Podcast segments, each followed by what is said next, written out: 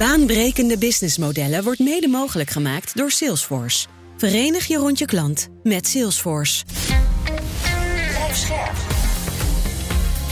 BNR Nieuwsradio. Baanbrekende businessmodellen. John en Patrick. Naam van jullie bedrijf. Race Square.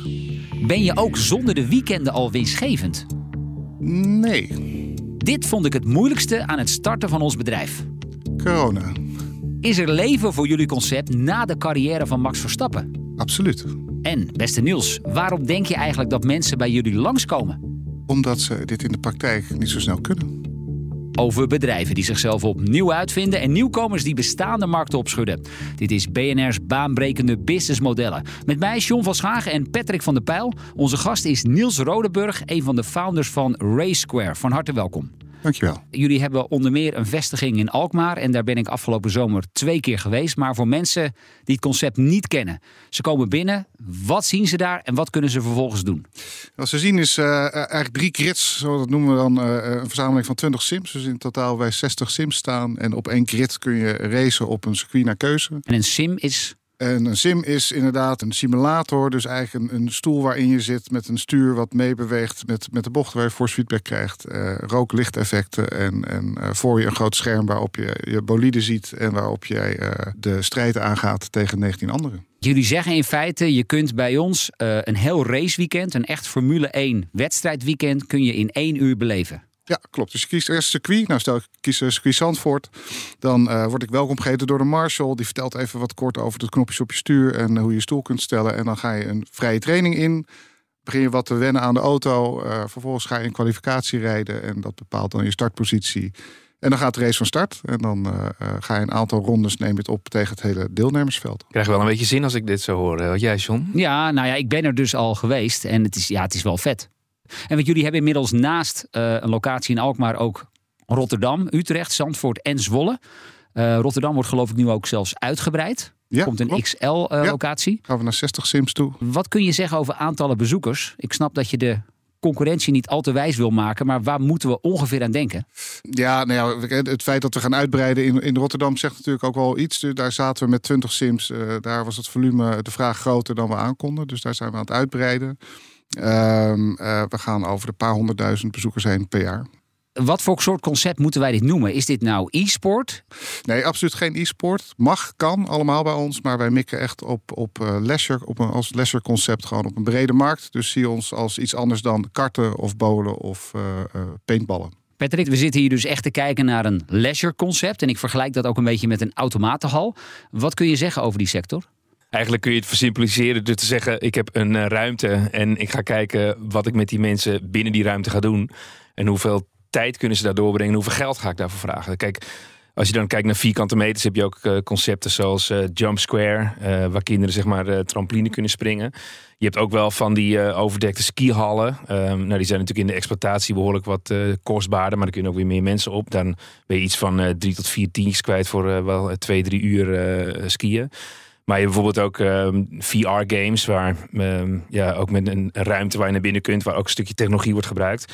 Ja, eigenlijk zien die modellen er als volgt uit. Je betaalt voor een bepaalde tijd die je mag eh, doorbrengen.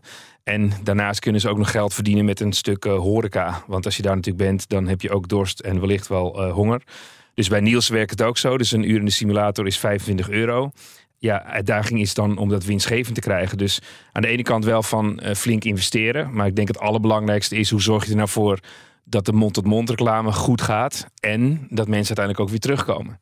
Hoe zien jullie dat, Niels? Is het inderdaad zo dat mensen die een keer zijn langs geweest, hebben die dan het gezien? Of wat kun je zeggen over de herhaalbezoeken? Ja, het is gelukkig eh, hoog. Eh, wat we zien is dat eh, mensen eigenlijk het concept nog niet goed kennen. Dus daar ligt ook gelijk een hele grote uitdaging voor ons.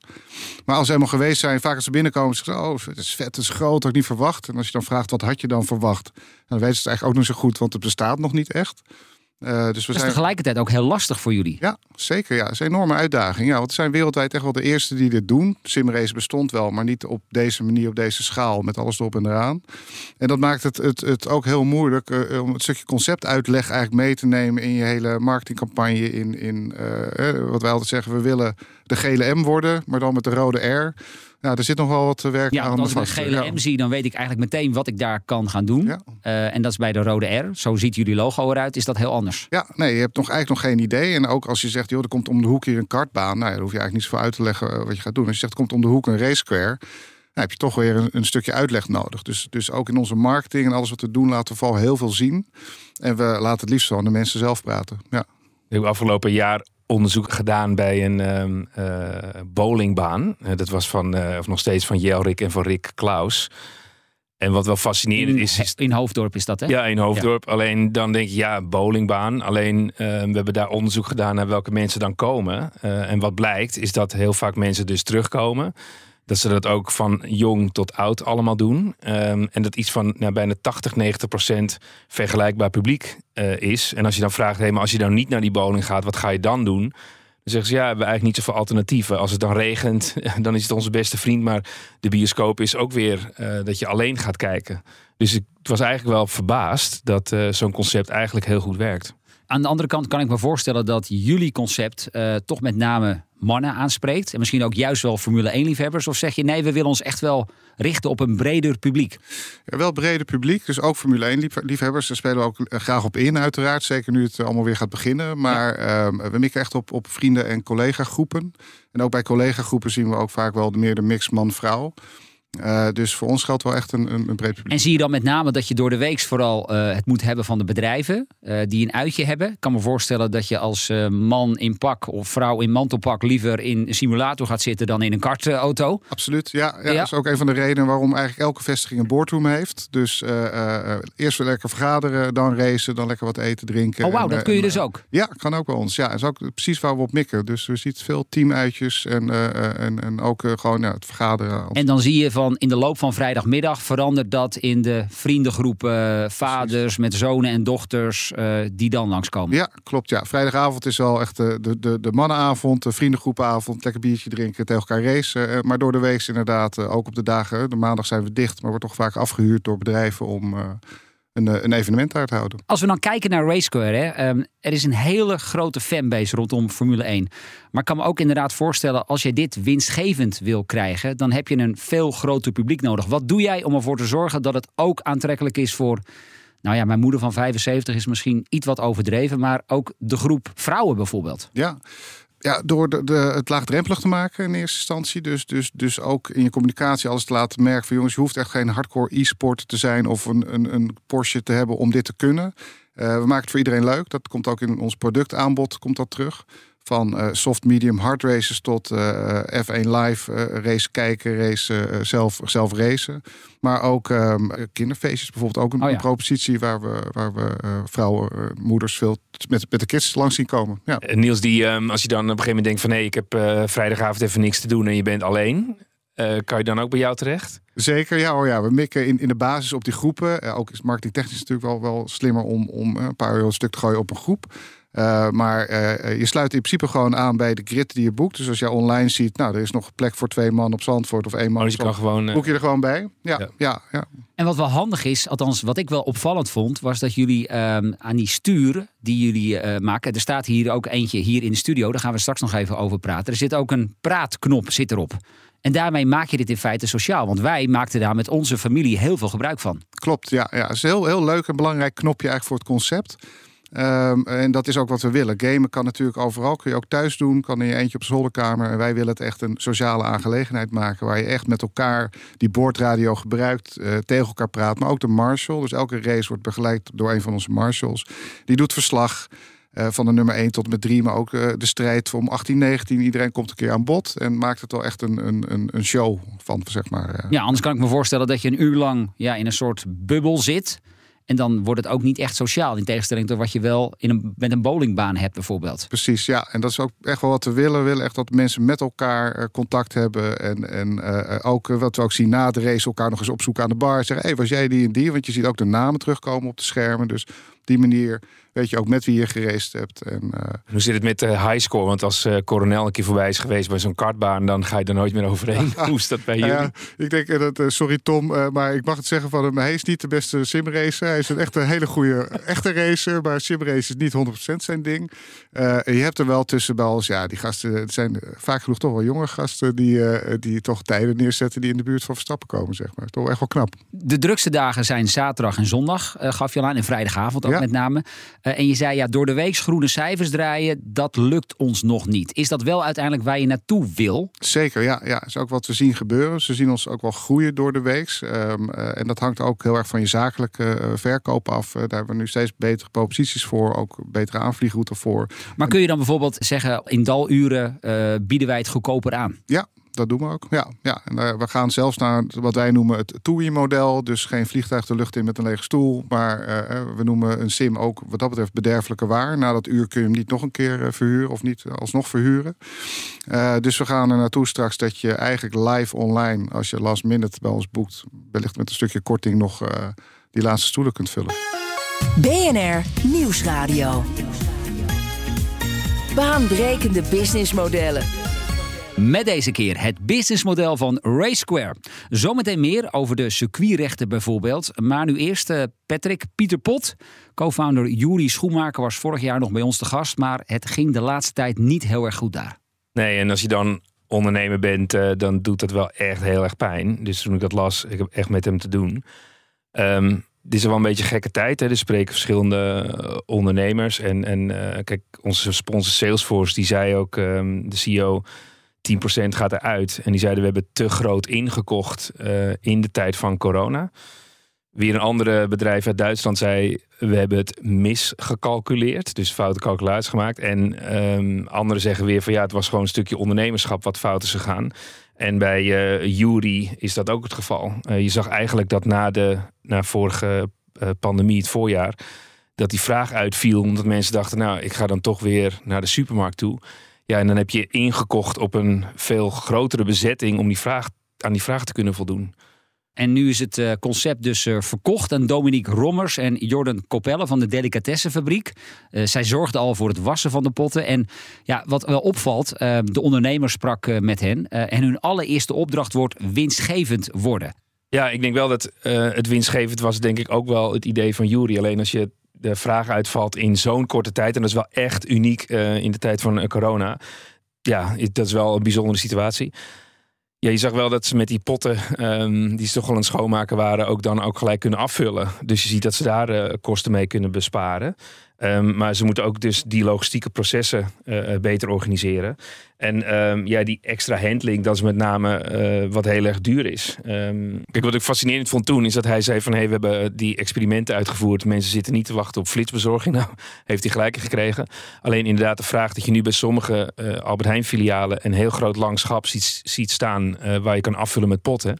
Ja, gaat dat straks vier, vijf, zes schappen zijn of blijft het daarbij? We zien dus onder meer nog dat ze wel uh, er naartoe gaan dat ze straks tot 9 uur s avonds kun je dan producten bestellen. En dan, die worden dan de volgende dag bezorgd. Dat is een soort premium optie. Ze willen ook met een kleinere voorraad gaan werken. En ook het assortiment uitbreiden. En ja, ik moet zeggen, dat snap ik zelf ook wel. Want dat je, nu heb je vaak Pieter Pot. En dan moet je alsnog naar de Albert Heijn of de Lidl of de Jumbo. Um, het past ook wel een beetje in de tijd ja, waarin de periode van gratis geld echt wel voorbij is. Hè? Ja, maar je ziet dat uh, het geld wordt duurder en uh, dus dan schaarser aan het worden. En dan denken mensen, weet je wat, het heeft nu lang genoeg geduurd. We zien de resultaten niet komen en we stoppen. Nou, we praten hier uh, in de studio van BNR verder met Niels Rodenburg. Hij is van Race Square, het Formule 1 simulatorconcept met inmiddels vijf locaties in Nederland. Ja, en als ik bij jullie ben, dan racen wij op bekende circuits. Je noemde net al Zandvoort, maar ook Imola en Monaco. Hoe zit dat met de rechten? Ja, de rechten van de circuits liggen uh, over het algemeen bij de circuits zelf. Um, dus in dit geval Zandvoort, de, de zogenaamde dotted line, zoals ze dat volgens mij noemen, ligt bij hun. En zij verkopen die rechten weer aan, aan de softwarehouders, de, de, de, de gameontwikkelaars. Dus die rechten die, die zijn vergeven en, en um, um, die kun je gewoon binnen de licenties die die games, die partijen aanbieden, kun je die gewoon gebruiken. Ja, en heb jij verder ook nog te dealen met de Formule 1 zelf? Ja en nee. In, in principe, wij zijn uh, gestopt met uh, F1 Racing Center, zijn onder de naam Racequare doorgegaan. Uh, maar, nou, heel eerlijk, de, ja, misschien iets beter langer verhaal kort is dat wij zouden beginnen als Racequare. Toen gingen we op zoek naar een game. Toen kwamen we bij de Formule 1 game uit van EA. En daarmee al snel bij Formule 1. Toen zei Formule 1, hey, dit vinden wij te gek, kunnen we het niet samen doen? Toen zijn we dat samen gaan doen. Alleen toen merkten we ook wel dat Formule 1 een, prachtig merk, prachtige organisatie, maar ook. Uh, Met hele juridische, nou ja. dikke juridische handboeken. Ja, ja inderdaad. Ja. Dus uh, die, uh, veel, veel, veel regels, veel kosten ook, om eerlijk te zijn. En toen hebben we gezegd. En dat beperkte jou in schalen? Ja, precies. Ja, dat is eigenlijk gewoon het ja. korte verhaal. Ja. Dus nu zijn jullie doorgegaan als Race Square de hardware waar jullie concept op drijft. Ik zei het net al, je hebt zo'n stuur hier meegenomen ja, dit koop je niet bij de eerste, de beste mediamarkt. Ja, nee, dit is alleen uh, online uh, te verkrijgen. En, en dit zijn ook geen consumentensturen, om heel eerlijk te zijn. Wat kost dit stuur? Dit stuur is uh, ruim 3000 euro. Uh, alleen stuur, ja. En dan, dan... Dus die moeten we niet laten vallen. nee. Nee, er kan wel tegen stootje deze. Dat is ook wel met alle respect voor de consument sturen. Maar als je het in de hoeveelheid gebruikt waarin wij het doen, dan moet je ook wel echt professioneel spul hebben. Anders is het binnen ja. twee, drie maanden. Maar één zo'n sim, dan praat je over, want dit is slechts ja. het stuur. Ja, zo'n 10.000 euro per sim. Ja. Zo, en als je dus 60 van die dingen hebt staan, ja. nou ja, ja we kunnen rekenen, Patrick. ja, dan moeten er ook weer tralische verzekeringen bij komen. Ja, ja. Maar er zit natuurlijk ook computer. Er zit rekenkracht zit erachter. Is het zo dat je voor al die sims één computer hebt, moet draaien? Of is dat met een centrale server? Het gebruikt zeker een centrale server, maar elke sim heeft ook zijn eigen PC inderdaad draaien. En uh, naast dat is er nog heel veel uh, AV, zoals we dat noemen. Ze doen heel veel met lichteffecten, rook uh, die over de grond gaat bij de start, gele vlaggen die gaan knipperen, dat soort dingen. Het uitzenden van de race. Dus en hoe zorg jij er dan voor dat je geen vastlopers krijgt? Ja, nou, dat is een goede vraag. Dat is, dat is, soms, is, dat is, soms. is helaas blijft techniek. Dus, ja. dus naarmate wij groeien, kom je er, groeien, kwamen we er ook achter dat uh, ja, inderdaad er nog eens wat, wat uh, stuk gaat. Of, of uh, updates worden gedaan door Windows zonder dat je het wilt tijdens een race, ik noem maar wat. Dus daar zijn we echt een hele afdeling op aan het inrichten. Maar stel, wij komen op vrijdagavond bij jou racen. Ja. in Zandvoort, om maar eens wat te noemen. Vrijdagavond, spitsuur, acht uur s avonds. En ineens twee van de computers vallen stil. Ja. Wat dan? Ja, in, eerste instantie uh, uh, is het aan de lokale uh, techneuten, de bedrijfsleider vaak, die, om, om dat te fixen. Soms is het iets hardware technisch. Nou, dan kunnen we even snel iets nieuws erop zetten. Of een nieuwe koptelefoon als die begeeft. Maar we hebben altijd op de achtergrond mensen paraat. Dus op dat moment kunnen we ook zeg maar remote ingrijpen. En ja, als het echt niet gaat, hebben we ook nog altijd een backup sim staan of reserve sim waar we iemand heen kunnen verplaatsen. Ja, Patrick, dit lijkt me wel echt evident voor een optimale klantbeleving. Hè? Dat je niet ja, om de paar minuten dat er zo ergens zo'n ding vastloopt. Want dan ben je als bezoeker ben je er ook wel snel klaar mee. Ja, dan moet ik eigenlijk wel heel hard lachen. Want dat was het punt bij de bowlingbaan. Oké, okay, dus in, techniek, in Hoofddorp bij jou. Dus wat er dan maar ook, dat maakt allemaal niet uit. Of de bitterballen wat later kwamen of het bier, dat maakt allemaal niet uit. Maar dat het baan het deed, dat is... Uh, Van essentieel belang. Ja. Is dat misschien ook iets wat wij als buitenstaanders ja, een beetje onderschatten. Dat als wij naar jouw concept kijken, dan lijkt het misschien op het eerste oog. Nou, je zet een paar van die dingen neer en je gaat lekker racen. Maar wat daar allemaal onder de motorkap gebeurt, letterlijk en figuurlijk, ja. Uh, dat is best heel omvangrijk. Zeker, ja, ja. Dat is ook vooral wat je niet ziet. Hè. We hebben het over 10.000 euro per sim, wat natuurlijk veel geld is. Maar het, het, het, duurste en het meest onderhoud ook is precies wat onder die motorkap zit. Dus dat is echt wel iets waar je met je bedrijf uh, enorm op moet inrichten als je op deze schaal wil uh, opereren. Ja. Ik ben benieuwd, hoe ben je uiteindelijk begonnen? Uh, want uh, wat wij vaak in het programma over hebben, dan uh, doe je wel of niet marktonderzoek. je begint klein, je probeert een beetje vast te stellen, gaat dit werken? Een stukje validatie, hoe is dat bij jou gegaan? Ja, bij ons kwam het eigenlijk door, door wat, wat ik zelf in het verleden met een ander bedrijf deed voor Ziggo. Toen Ziggo de rechten kocht, toen um, het Formule 1 rechten kocht. Toen uh, hielpen wij met het, uh, zeg maar het activeren daarvan. En hadden we de Ziggo e-battle. Dus gingen we met een trailer met tien van die sims gingen we heel het land door. Oh, kijk. En toen hebben we eigenlijk ook gezien dat, dat uh, niet alleen die core fan dat tof vond. Maar ook papa en zoon en mama ook nog wel eens in de sim ging zitten. Dus daar hebben we wel wat van geleerd. Ook op techniekvlak wat van geleerd. Maar ook gezien van, hey, dit, dit zou eens kunnen werken op, op, een, uh, op groter concept, zeg maar. Ja. ja en, en, laatst bezocht ik zo'n uh, VR-locatie. Daar gingen we met gezin uh, met zo'n bril op en, en dingen doen. Dat viel mij op dat ze dat vaak in franchise aanbieden. Dus ze leggen wel de infrastructuur vast, maar dan zetten ze daar andere ondernemers. Hoe kijk jij daarnaar? Ja, zijn we aan het onderzoeken. Um, we krijgen best wel veel aanvragen ook op dat vlak. Um, uh, alleen ik vind wel dat op het moment dat je dat aanbiedt, moet je het ook echt aan kunnen en moet je natuurlijk ook kunnen leveren. Uh, je hoort er veel verschillende verhalen over, natuurlijk, over franchise. het zou wel een mooie manier zijn voor ons om snel te kunnen schalen. dus we zijn dat serieus aan het onderzoeken op dit moment. Ja, wat destijds slim vond van Ad, van De Beren, dat restaurantconcept die zei ik heb het omgedraaid. Dus ik ga zelf een restaurant openen, een locatie openen en ik draai het totdat het draait. En dan zet ik daar een franchise. Uh... Oh ja. Dat is op zich ook wel, dan help je zo iemand even door de lastige eerste periode door. Ja, hij zegt wat anders dan vertrouw je te veel op uh, het kunnen van uh, iemand die het nooit eerder heeft gedaan. Of dat de verkeerde locatie wordt gekozen. Hij zegt en uh, ja, andersom werkt het veel beter. Waar ik nog wel even op terug wil komen, is wat jij zei over vrijdagavond 8 uur. Ik schetste dat voorbeeld. Er vallen een paar computers uit. Nou, je zegt we hebben een soort ticketing systeem waarbij er meteen ook op remote kan dat gefixt worden. Ja. Dat heb je in het begin, was dat nog niet zo. Dus je hebt dit gaandeweg, heb je dit moeten aanpassen. Absoluut, ja, ja echt uh, learning by doing. dus uh, echt uh, van, oh, en, en ook degene, helaas Sebastian in dit geval, die, waarmee we begonnen met de techniek, die de vrijdag tot en met zondagavond niet meer had. Hè, omdat hij eigenlijk continu of continu dat telefoontje moest beantwoorden als het dan zover was. Ja. Dus we hebben daar echt op moeten opschalen en, en ook uh, uh, triggers in moeten bouwen. Dus we zien nu ook wanneer een, een chip wat te warm wordt, uh, dan kunnen we eigenlijk vooraf al ingrijpen. Ah, oké. Ja. Gaat er dan ook een safety car voorbij? ja, dat zou toch zomaar kunnen? Ja, nou, goede, goede vergelijking. Ja, je zou bijna kunnen zeggen dat je, dat je een IT-bedrijf bent en geen leisure concept. Ja, ik weet niet of dat belangrijk is om dat te benoemen, maar... Aan de achterkant zeker, ja. En dat is precies wat je zei, is wat veel mensen niet zien. Uh, maar op het moment dat je, dat je dit doet, dan, uh, dan merk je dat je het echt enorm nodig hebt om, uh, om, om dat getackled te hebben. Dat ja. ja.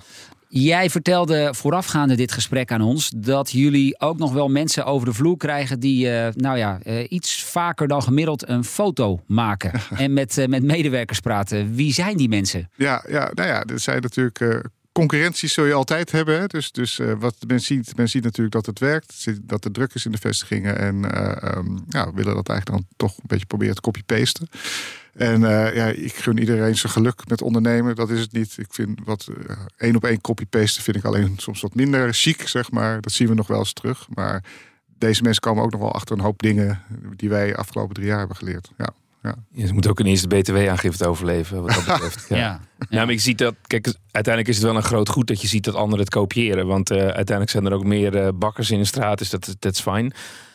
Ik denk als je naar dit concept kijkt, is het wel heel moeilijk te beschermen. Uh, dus dan moet je toch op die experience gaan zitten. Um, en uiteindelijk is het ook een kwestie van uh, lange adem en kun je beter doorbouwen. Uh, als je bijvoorbeeld kijkt naar die hele fitnesswereld, waren er destijds natuurlijk ook ongelooflijk veel concepten. En uiteindelijk zie je dat op de lange adem gaat het over uh, schaalbaar zijn, een goed concept hebben staan.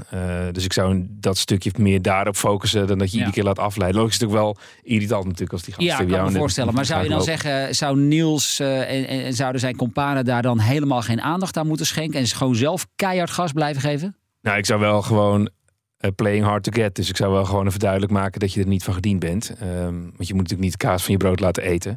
Maar uiteindelijk heb je daar weinig middelen tegen. Um, je hebt niet een stukje techniek wat iemand anders niet zou kunnen maken of, of kopiëren. En soms ben je daar dan ook veel te veel tijd mee kwijt. Hè? Dus stel dat het wel het geval was, dan is de vraag: wat is dat dan uiteindelijk waard? En uh, je ziet nu ook, is uh, sinds een paar jaar uh, dat race nog populairder door een Max Verstappen. Dan moet je ook wel nu instappen. Ja. Um, locaties.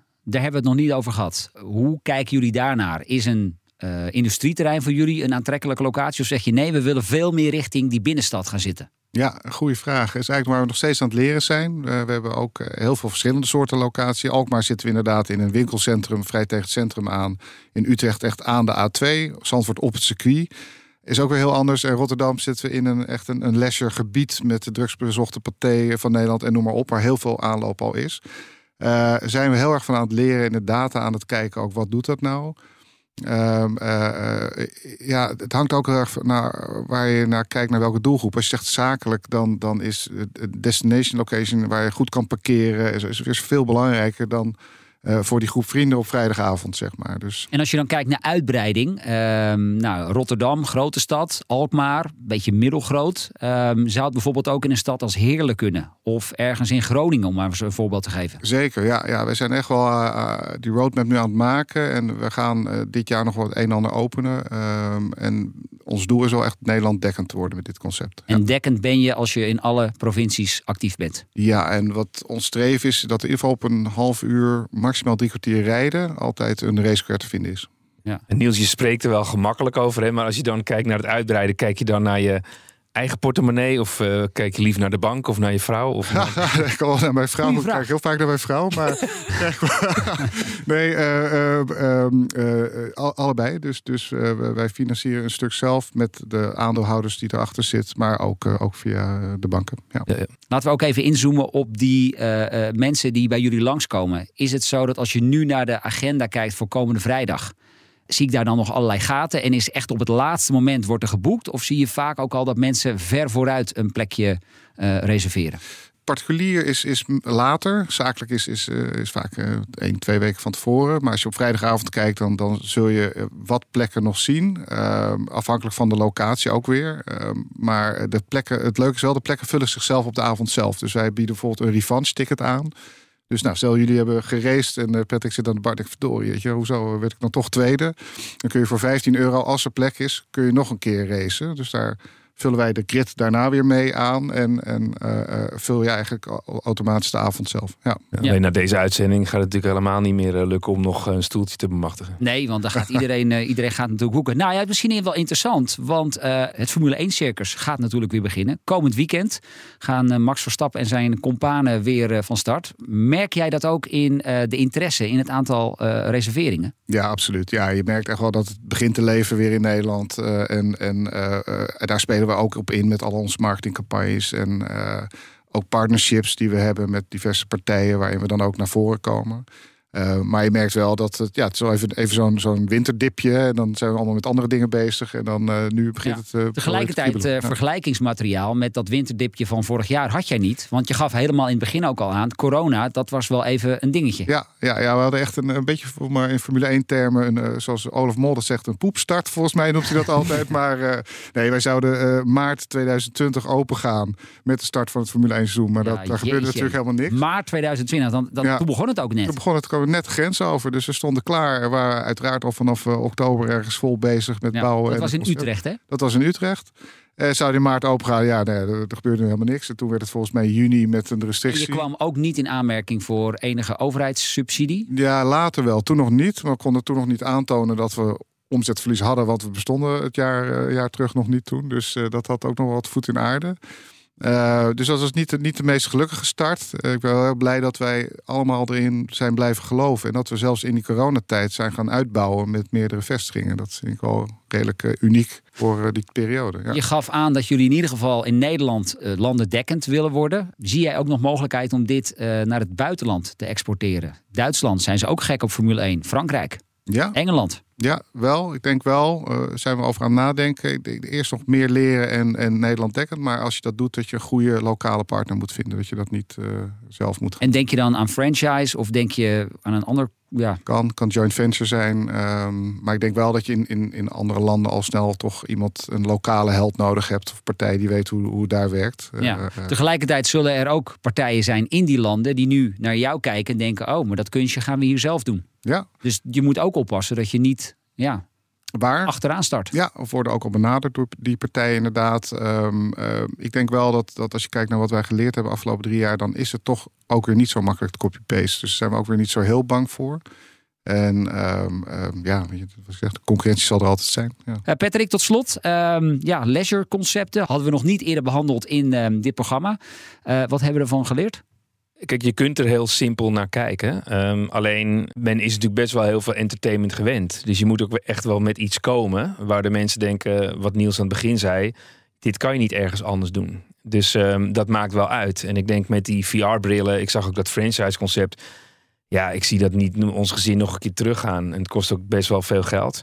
Oké, dat hebben jullie één keer gedaan. Ja. En nu hebben jullie zoiets van... Ja, dan heb je dat Ja. een keer meegemaakt. Denk je in die kamer rondgelopen. Maar als je dan met je gezin bent, ben je ook weer eh nou, zo maar vijf of zeven tientjes verder. En dan denk je, nou, dan- dan zijn er op dat gebied veel meer eh, alternatieven. Kun je ook gaan minigolfen, bij wijze van spreken. Dus ik denk dat als je kijkt naar de, het vermaak, het entertainment level. eh, en ook zeg maar connectie met, met Formule 1. Ja, ik heb daar wel ehm, hoge verwachtingen van. eh. Ja, is dat misschien ook de reden waarom een ander concept bolen al zo lang bestaat? Omdat het eigenlijk voor iedereen heeft er wel iets mee. We kunnen het allemaal doen en het blijft ook de volgende keer nog leuk. Er zit ook heel erg een sociaal component zit erin. Ja, de- de- eens. En ik denk ook wel omdat het een, inderdaad een bredere doelgroep is in plaats van echt een eh, niche. Eh, plus inderdaad, het verveelt nooit. Het- ja, het bol is nog steeds hetzelfde. Er is alleen één verschil. Je hebt ze met touwtjes en zonder touwtjes. Ja. Die kegeltjes. Dankjewel in ieder geval eh, voor eh, dit gesprek eh, in de studio. Niels Rodeburg van Race Square. En eh, Patrick en ik zijn er uiteraard volgende week weer. Nou, wil je voor die tijd al meer luisteren? Check dan ook onze andere afleveringen die je vindt op vrijwel alle bekende podcastkanalen. Tot volgende week. Baanbrekende businessmodellen wordt mede mogelijk gemaakt door Salesforce. Verenig je rond je klant met Salesforce. Ons woon-werkverkeer is de afgelopen jaren behoorlijk onvoorspelbaar geworden. Veel werkgevers vinden dan ook dat hun mobiliteitsbeleid niet meer past bij de huidige tijd. Flexibiliteit en duurzaamheid zijn daarbij leidend. Martijn Ter Averst adviseert als salesmanager bij NS Zakelijk werkgevers die hun mobiliteitsbeleid willen moderniseren. Zijn drie adviezen: zorg dat alle stakeholders betrokken worden, ga niet voor iedereen op zoek naar het perfecte plaatje en zorg dat het administratief behapbaar blijft. Je leest het op fd.nl/partner/ns.